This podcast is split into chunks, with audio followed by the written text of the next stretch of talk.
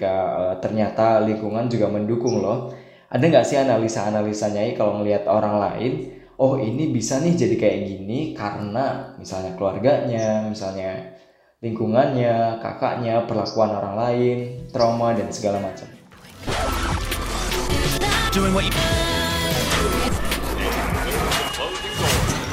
Blue FM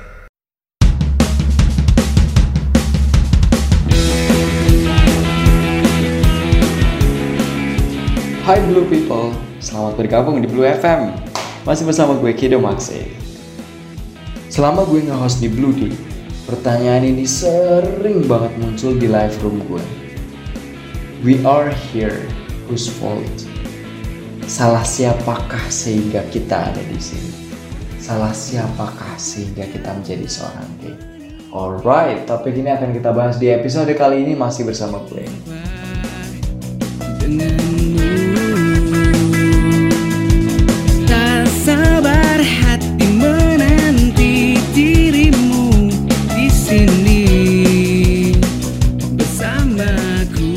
paham banget bahwa pertanyaan ini sering muncul dalam benak blue people. But do they really know what the answer is? Topik ini gue angkat sebenarnya bukan untuk ngejawab pertanyaannya, tapi lebih ke ngasih stimulus aja biar blue people mulai mikir lebih dalam tentang jawaban dari pertanyaan itu untuk diri mereka sendiri tentunya. Jujur nih ya, pertanyaan itu juga sempat muncul di diri gue sendiri Salah siapa sih gue jadi seorang gay? Orang tua gue kah? Lingkungan kah? Atau apa? Atau siapa? Nah dari analisa tentang diri gue sendiri, um, ya pengaruh keluarga itu sangat kuat tentunya. Dari cerita pribadi gue, dari cerita teman-teman yang udah ada di live room gue yang beberapa kali gue tanya. Keluarga jadi faktor yang cukup kuat untuk membentuk kita menjadi kita yang sekarang ada keluarga yang broken home yang akhirnya si anak ikut ibunya dan kehilangan kasih sayang bapaknya. Ada keluarga yang misalnya kayak kayak keluarga gua, uh, ibu gua adalah orang yang mengambil keputusan. Ibu gua adalah orang yang sangat kuat dalam keluarga, sangat dominan sehingga ayah gua nggak berperan banyak dalam mendidik gua. Bukan jadi salah satu hal yang gue patut untuk salahkan sebenarnya, karena mungkin juga ada faktor biologi di sana. Dan ditambah lagi lingkungan gue misalnya. Gue yang deket banget sama, sama kakak perempuan gue. Gue yang tetangganya semuanya anak-anak perempuan yang seumuran gue. Dan ya bentukan-bentukan itu juga jadi akumulasi untuk semua uh, yang gue alamin sehingga akhirnya gue kayak gini.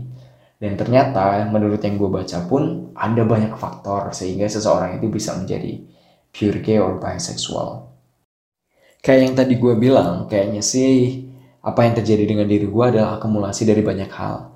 Dari biologi, dari didikan orang tua, dari kakak-kakak gue perlakuannya, dari lingkungan sekitar, dari bullying-bullying yang teman-teman gue lakuin di SD sama SMP. Dan dari semua hal itu akhirnya ngebentuk gue jadi pribadi yang kayak gue sekarang.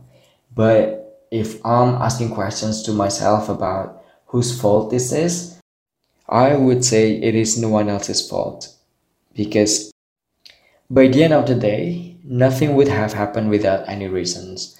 Jadi ya apa pun yang terjadi di hidup gua itu udah terjadi karena ada ada sebabnya, ada tujuannya, ada purpose-nya kenapa akhirnya itu terjadi. Dan yang gue percaya sampai detik ini adalah uh, Tuhan, gue masih percaya Tuhan by the way. Tuhan masih pengen gue merasakan banyak hal yang mungkin banyak orang di luar sana juga ngalamin dan mereka nggak bisa ngatasin itu.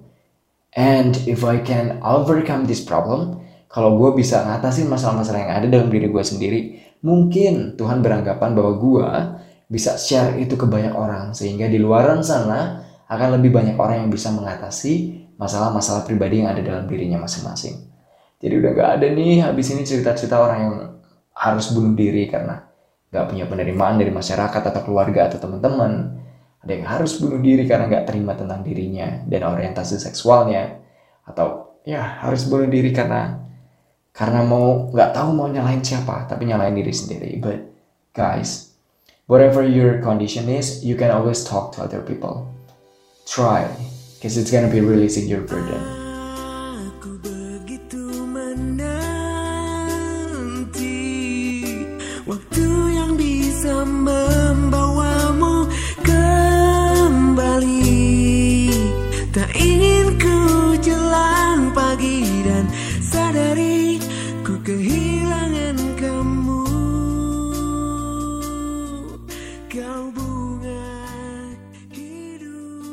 Nah, kali ini ada yang berbeda. Gue akan telepon seseorang untuk cerita-cerita tentang pengalamannya terkait dengan topik hari ini. Yang juga pernah diceritain di at cerita underscore kido. Langsung aja yuk. Halo.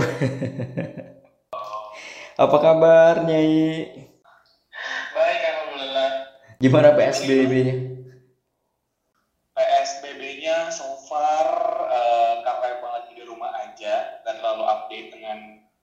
Terjadi di luar. Tapi setelah melihat sosial media, sepertinya di weekend ini mungkin orang sudah mulai pada jengah dengan stay at home. Jadi aku melihat di weekend ini banyak banget orang-orang berkeliaran di luar.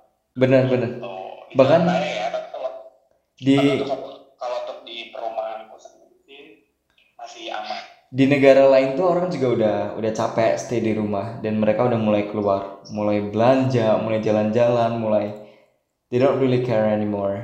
Iya benar. Tapi kalau melihat dengan salah satu negara yang bisa uh, luar biasa dengan penanganannya yang sangat cepat, itu benar-benar amazing sih. Karena uh, dia bisa mengambil keputusan dan akhirnya nggak ada kasus untuk meninggal di negaranya. Oh wow, that is cool. Ya, Gimana puasanya? Lancar? puasanya alhamdulillah lancar. Cuman mungkin um, sekarang kan lagi sibuk dengan aktivitas belajar online di rumah. Mhm. Jadi di mana kalau misalkan eh, siang sampai sore itu benar-benar menimba ilmu dan malamnya baru bisa untuk lebih relax kan. Tapi biasanya malam tuh udah mulai kayak little bit Tired? gitu kan. Pasti pasti. Iya, capek dan segala. Iya, ditambah lagi cuman eh, dengan kondisi yang sekarang eh, nggak tahu ya karena mungkin juga banyak banyak eh, yang lagi eh, on progress dan juga lagi banyak eh, planning. Jadi tadi pun juga biasanya tuh habis subuh udah tidur ini baru jam 7 pagi baru tidur kayak gitu. Mhm. Lumayan padat ya? sebenarnya padatnya nggak nggak yang gimana gimana sih lebih kayak kepada uh, how to manage uh, apa namanya uh, pikiran kita gitu kan True. moodnya kita itu sih. Bener bener. Eh, Nyai, kalau boleh tahu Nyai udah come out belum sih ke keluarga? Uh, for the family um, ada satu tapi uh, itu benar-benar di tahun berapa ya 2014 Mhm. 2014 tapi kalau untuk um, uh, inti, inti gitu ya keluarga inti itu belum Tapi emang Cuman rencananya ada, uh, rencananya gimana? Mau itu kah atau enggak? kalau aku sih nggak harus coming out tapi kayaknya mereka uh, Udah nebak-nebak. mau ya dengan yes itu sudah nebak-nebaknya karena apa karena uh, about my job gitu kan Mhm. juga dengan activity lain kayak gitu walaupun sebenarnya tetap masih ada uh, question-question uh, biasa ya kalau Kayak mau kawin lagi- kapan? Yes, correct. Jadi kayak misalkan eh, lagi pertemuan atau misalkan lagi eh, ada kumpul eh, family kayak gitu-gitu masih ada pertanyaan kayak gitu. Mhm, mhm. Nih, sebenarnya beberapa kali tuh aku dapat DM dari viewers kan. Mereka tuh nanyain tentang eh, lo kayak gini sampai detik ini sekarang pernah nggak sih ada momen yang lo menyalahkan keadaan yang akhirnya membentuk lo menjadi seorang ya kayak yang sekarang gitu. Menurut Nyai gimana? Pernah nggak sih Nyai menyalahkan? Kalau untuk menyalahkan seseorang itu wajar secara manusiawi, ya kan? Jadi pernah eh, di mana posisinya itu menyalahkan terhadap eh, satu parent Mhm. know uh, for the kayaknya udah lama banget gitu kayak bertahun-tahun. Terus udah gitu kayak why? gitu kan. Kenapa harus gue? Kenapa harus uh, jatuhnya ke gue? Kayak gitu kan. Ditambah lagi dengan uh, apa namanya lingkungan sekitar yang kayak ini kayaknya lebih mensupport banget dan lebih mendukung kayak gitu. Tapi uh, itu biasanya hadir sampai detik ini ketika mood kita lagi drop ataupun juga lagi too many problem ataupun juga masalah yang kayaknya ini agak riskan ataupun agak sulit untuk keluar dari masalah tersebut. Right. Gitu. right. Jadi biasanya dengan dengan dengan uh, kondisi psikis kita di masa lalu itu biasanya muncul lagi tuh kayak misalkan kita menyalahkan uh, atau misalkan menyalahkan family, uh, parents dan lain-lain kayak gitu. Tapi ketika misalkan kita moodnya sudah mulai naik atau misalkan kita sudah keluar dari masalah tersebut, itu uh, people can change gitu kan. Dalam hmm. artian yang ada kita bukan menyalahkan tapi kita blessing dengan apa dengan apa yang kita dapat sampai saat ini. Karena kalau misalkan kita berpikir lagi secara logis, kalau kita nggak pernah uh, dapat satu pengalaman dengan uh, yang kemarin-kemarin ataupun juga kita nggak punya pengalaman dengan uh, apa namanya kita ataupun juga menyalahkan seseorang itu kita nggak akan bisa jadi kayak sekarang mm-hmm. kayak gitu di mana bahwa sampai dengan saat ini kita bisa menjadi orang yang lebih tough yang lebih orang yang bisa survive dan bisa benar-benar uh, yang lebih growing up lagi sebagai, uh, sebagai manusia kayak gitu sih Mhm. Aku juga kan memang pernah ngalamin juga momen yang kayak gitu. Ketika kita masih labil zaman-zaman dulu kan, kita masih coba untuk blaming untuk keluar dari masalah kan. Karena whenever we have problems, blaming is uh, one of the easiest way untuk akhirnya kita keluar dari masalah kan. Salahin aja orang lain terus kita keluar dari masalah. But it is not always working all the time and it is not always the best thing that we could do. Nah, uh, aku juga pernah ngalamin di di masa itu gitu. Ketika aku blaming keadaan, blaming orang tua, blaming hal-hal lain yang mungkin menyebabkanku jadi aku yang sekarang padahal enggak gitu. Nah, kalau aku ngomongin tentang uh, itu kan tadi aku sempat cerita tentang aku sendiri, Nyai juga sempat cerita tentang uh, momen dulu gimana uh, ketika sadar hal itu dan ketika uh, ternyata lingkungan juga mendukung loh ada nggak sih analisa-analisanya kalau ngelihat orang lain oh ini bisa nih jadi kayak gini karena misalnya keluarganya misalnya lingkungannya kakaknya perlakuan orang lain trauma dan segala macam pernah analisa kayak gitu nggak sih Buat yang pengen cerita-cerita juga, boleh banget cerita kalian dikirim ke at cerita underscore kido, C-nya besar, K-nya besar di aplikasi Blue Deal. Tiap minggu temanya pasti akan ganti. Nanti aku bacain cerita kalian di live roomku di at kido underscore maxi. Tanya besar, M-nya besar.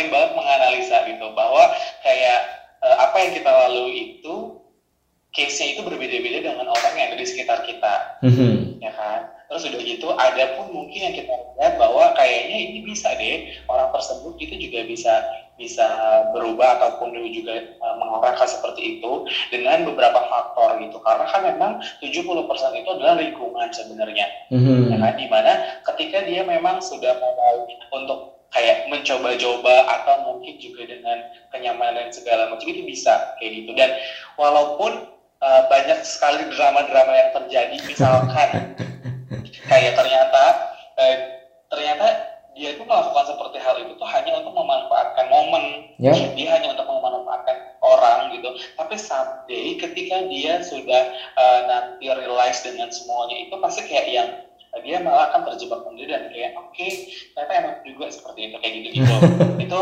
untuk untuk case yang pertama. Mm-hmm. terus udah gitu ada juga mana kayak misalkan uh, dari family gitu kan. Dalam artian ketika kita misalkan aku melihat gitu kan kayak beberapa kayak uh, sebenarnya itu just joke aja tapi misalkan pun juga perasaan orang kita nggak pernah tahu di saat itu dia lagi kayak gimana. Gitu kan ya? Ketika kita ngejokes mungkin aja orang itu secara psikis kalau dia ngerasa bahwa dia lagi dibullying. Mm-hmm. gitu kan?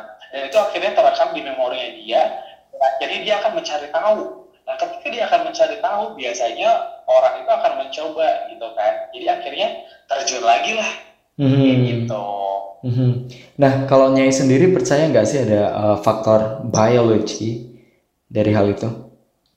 Kalau untuk faktor biologi itu percaya tapi kayaknya kemungkinannya itu nggak kecil ya? banyak ataupun juga nggak sebesar dengan lingkungan. Mm-hmm. kayak gitu. Berarti kalau yang nyai percaya adalah lingkungan Karena yang membentuk. Yes betul banget. Pokoknya lingkungan itu sangat uh, lingkungan itu secara harganya bisa luas ya. Dalam artian lingkungannya yeah. itu uh, teman-teman aja atau kolega tapi juga yang pastinya yang paling penting itu adalah dari keluarga. Nah itu lingkungan keluarga itu sebenarnya yang paling mendasar banget untuk bisa uh, ini arahnya ke mana nih secara psikisnya arahnya ke mana. Karena banyak banget mungkin di Indonesia itu belum ada parents atau misalkan keluarga yang aware dengan yang namanya mental illness kan.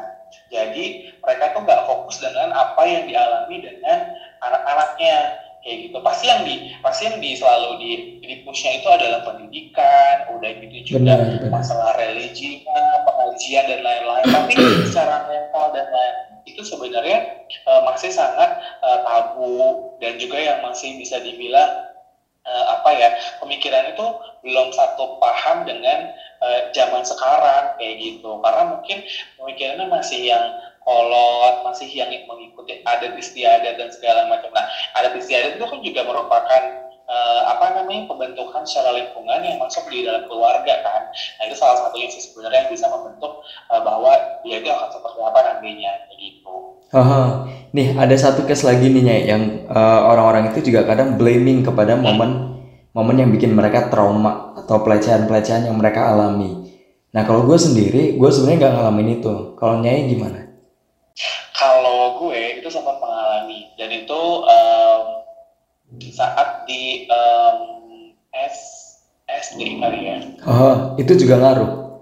Itu juga ngaruh secara psikis. Jadi right. ketika kita seperti itu, ketika kita mendapatkan hal seperti itu, uh, di mana kita kan juga akan berpikir gitu kan bahwa ini maksudnya apa ya? Apalagi dengan yang tadi aku bilang balik lagi secara psikis dan mental kan, mm -hmm. bahwa itu sebenarnya apa yang dia dapat dari orang lain seperti itu itu akan menjadi pertanyaan besar gitu yeah. kan terhadap dirinya gitu kan dalam artian maksudnya dan arah tujuannya ini orang tuh uh, berbuat seperti itu kepada kita itu uh, kenapa gitu kan terus sudah gitu uh, tapi dia baik tapi dia ini segala macam. Itu akan menjadi pertimbangan anak-anak saat itu. Mm-hmm. ya kan? Apalagi misalkan case-nya adalah uh, uh, namanya pelecehan itu sudah diiming dengan sesuatu hal yang memang uh, apa namanya Suka. ada kayak misalkan dikasih gift apa kayak gitu gitu ya kan? Pasti dia dia kayak nyaman terus kayak ya lo gue gak dapet ini dari uh, my parents kayak gitu. Atau misalkan gue yang dapet ini dari uh, saudara-saudara gue atau misalkan dari uh, adik dan kakak dan lain-lain kayak gitu gitu dan itu akan menjadi uh, secara psikis ataupun juga secara hati nurani dia tuh kayak bikin dia penasaran juga kan saat itu. Mm-hmm. tapi dia nggak tahu harus harus ngomong sama siapa harus cerita sama siapa. Karena ketika dia akan bercerita dengan parentsnya itu parentsnya pasti akan langsung nge-defense pasti akan bikin tameng yang sangat besar Benar. di mana kayak nanti itu nah pasti nanti dia tuh akan lebih di uh, overprotective mm-hmm. gitu kan dengan lingkungan yang mungkin dia dapat sebenarnya itulah uh, lagi jadi pertanyaannya dia gitu. Nah, yang sebenarnya aku lihat case-nya itu ya, karena aku pengalaman seperti itu, ketika kita lagi penasaran ataupun juga ketika kita lagi mencari uh, jawaban atas pertanyaan anda diri kita, nah itu parents ataupun juga family itu udah bikin benteng. That's the reason why kita nggak akan dapat uh, jawabannya. Kayak gitu. Dan hmm. istilahnya ketika kita bertanya sama mereka why you do that? gitu kan. Maksudnya sih kalau jadi sampai terlalu uh, overprotective about that kayak gitu-gitu. Tapi ternyata nanti penjelasannya adalah uh, ya udah pokoknya ikutin aja orang tua tuh pasti pengen yang terbaik untuk anaknya kayak gini-gini segala macam dan itu bukan menjadi resolving sebuah um, apa namanya pertanyaan dari penasarannya anak tersebut kayak gitu sih. Aha. Nyai pernah nonton podcastnya Deddy Corbuzier nggak sih sama uh, Dokter Boyka?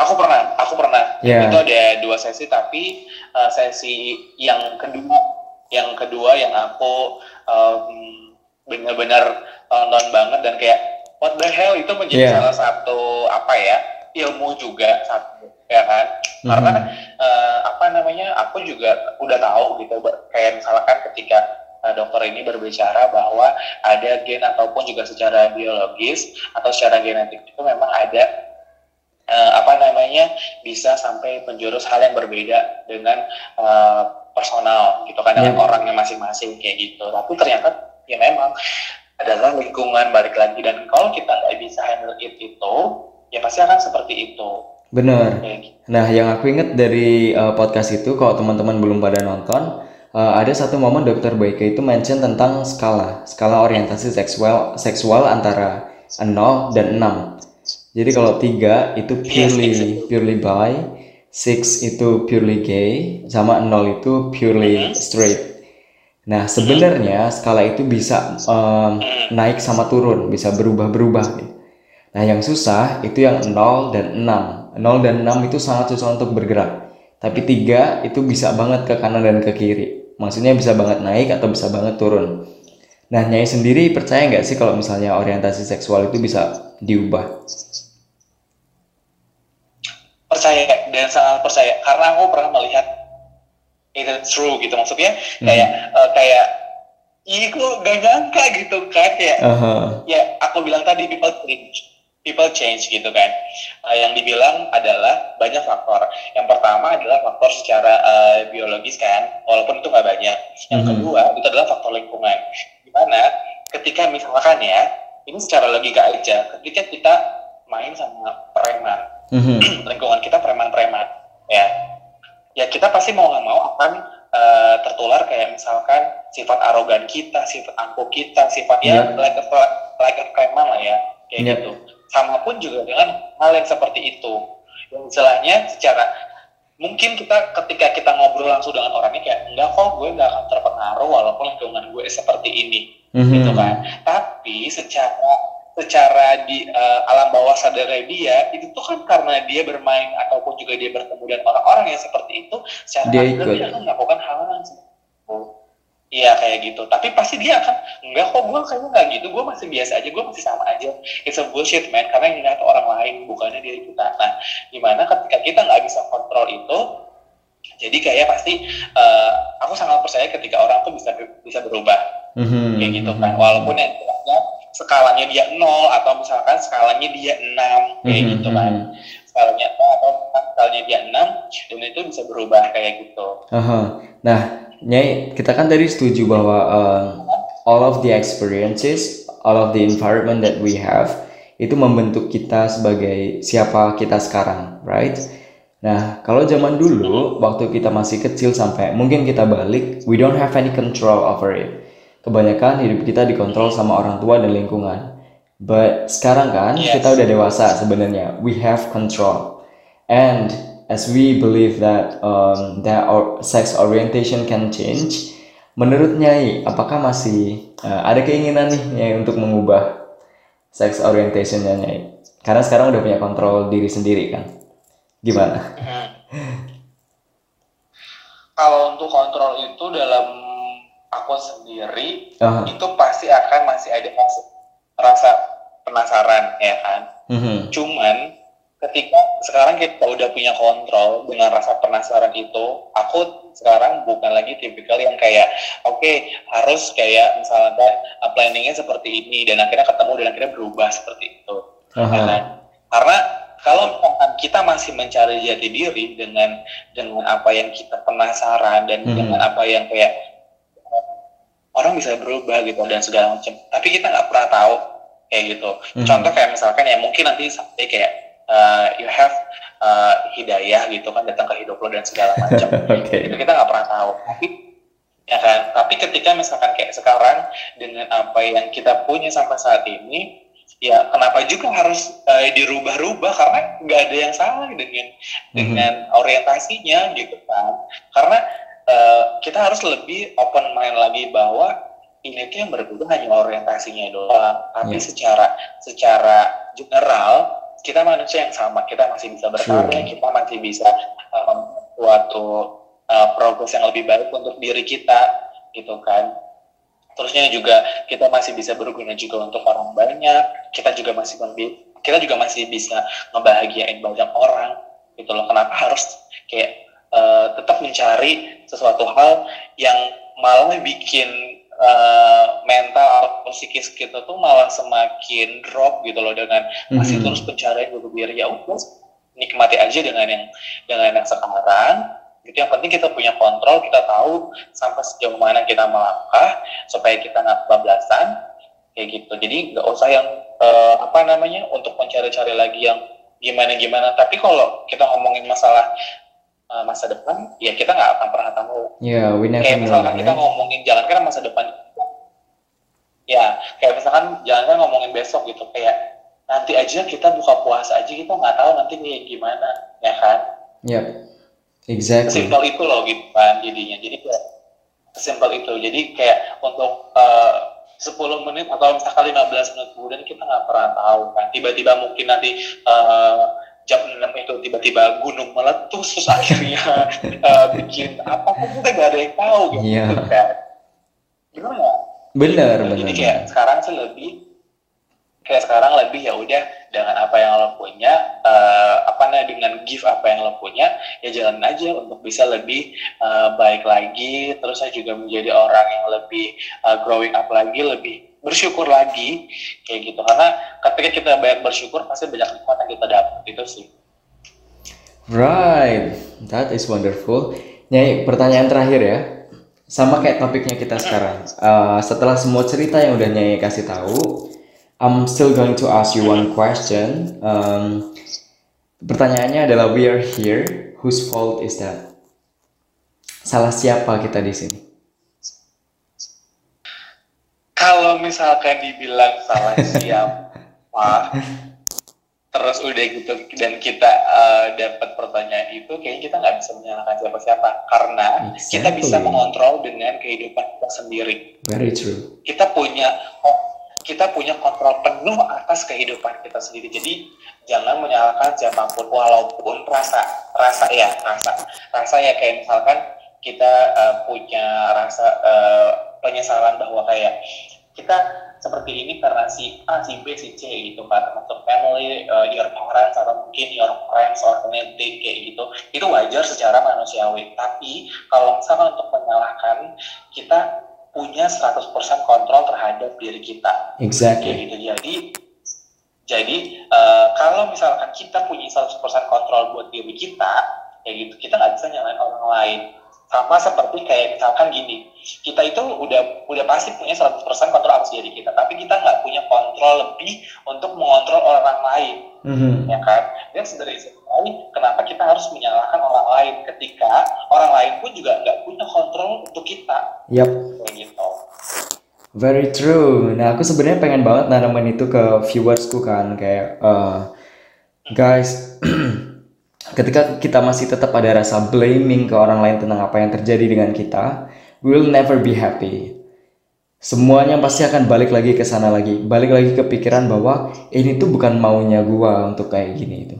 But once you are accepting everything dan bilang yes. this is not anyone else's fault, this is under my control, like you said before, dan itu udah it will be like uh, penerimaan ke diri sendiri and it's gonna make us being happier everyday kayak yang ya karena udah selesai dengan hal itu.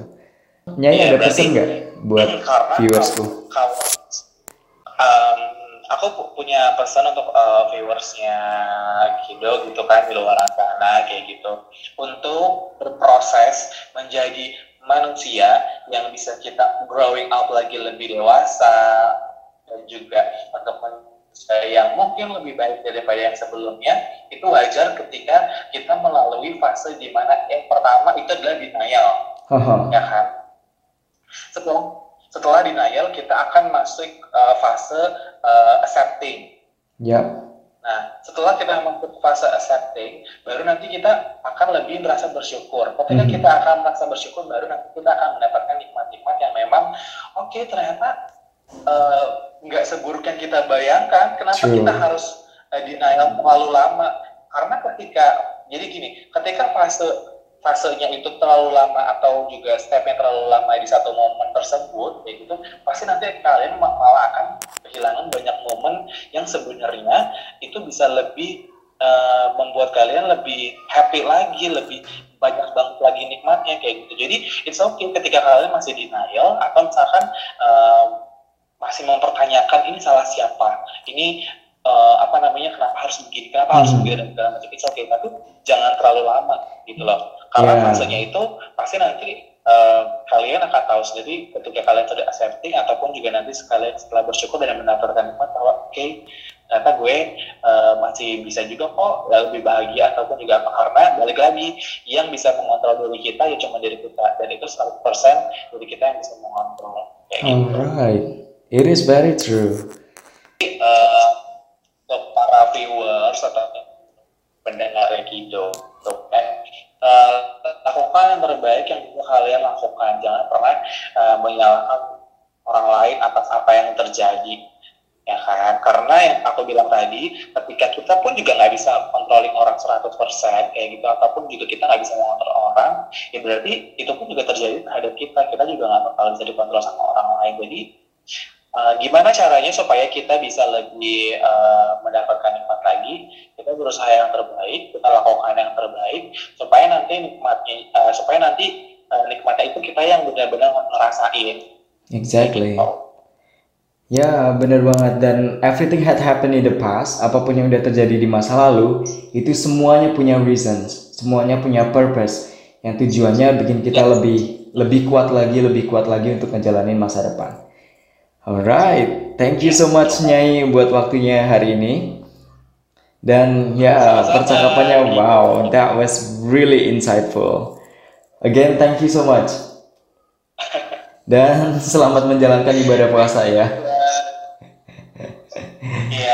Thank you mama Oke, bye bye Nyai. Thank you.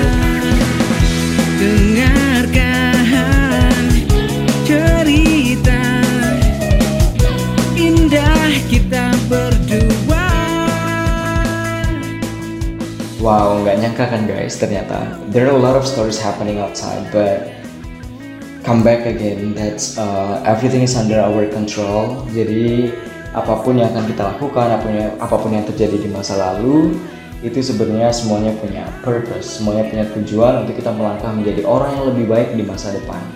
And it's all under our control. And yeah, if you're asking questions about whose fault is this, it is not anyone else's fault. So, yeah, enjoy your life and be happier every day.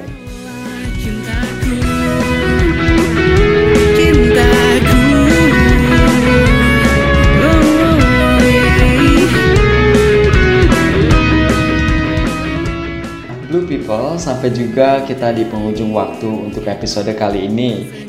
Buat yang pengen cerita-cerita juga, boleh banget cerita kalian dikirim ke cerita underscore kido, C-nya besar, K-nya besar di aplikasi Blue Deal. Tiap minggu temanya pasti akan ganti. Nanti aku bacain cerita kalian di live roomku di kido underscore maxi, K-nya besar, M-nya besar. Terima kasih sudah menjadi pendengar yang sangat luar biasa.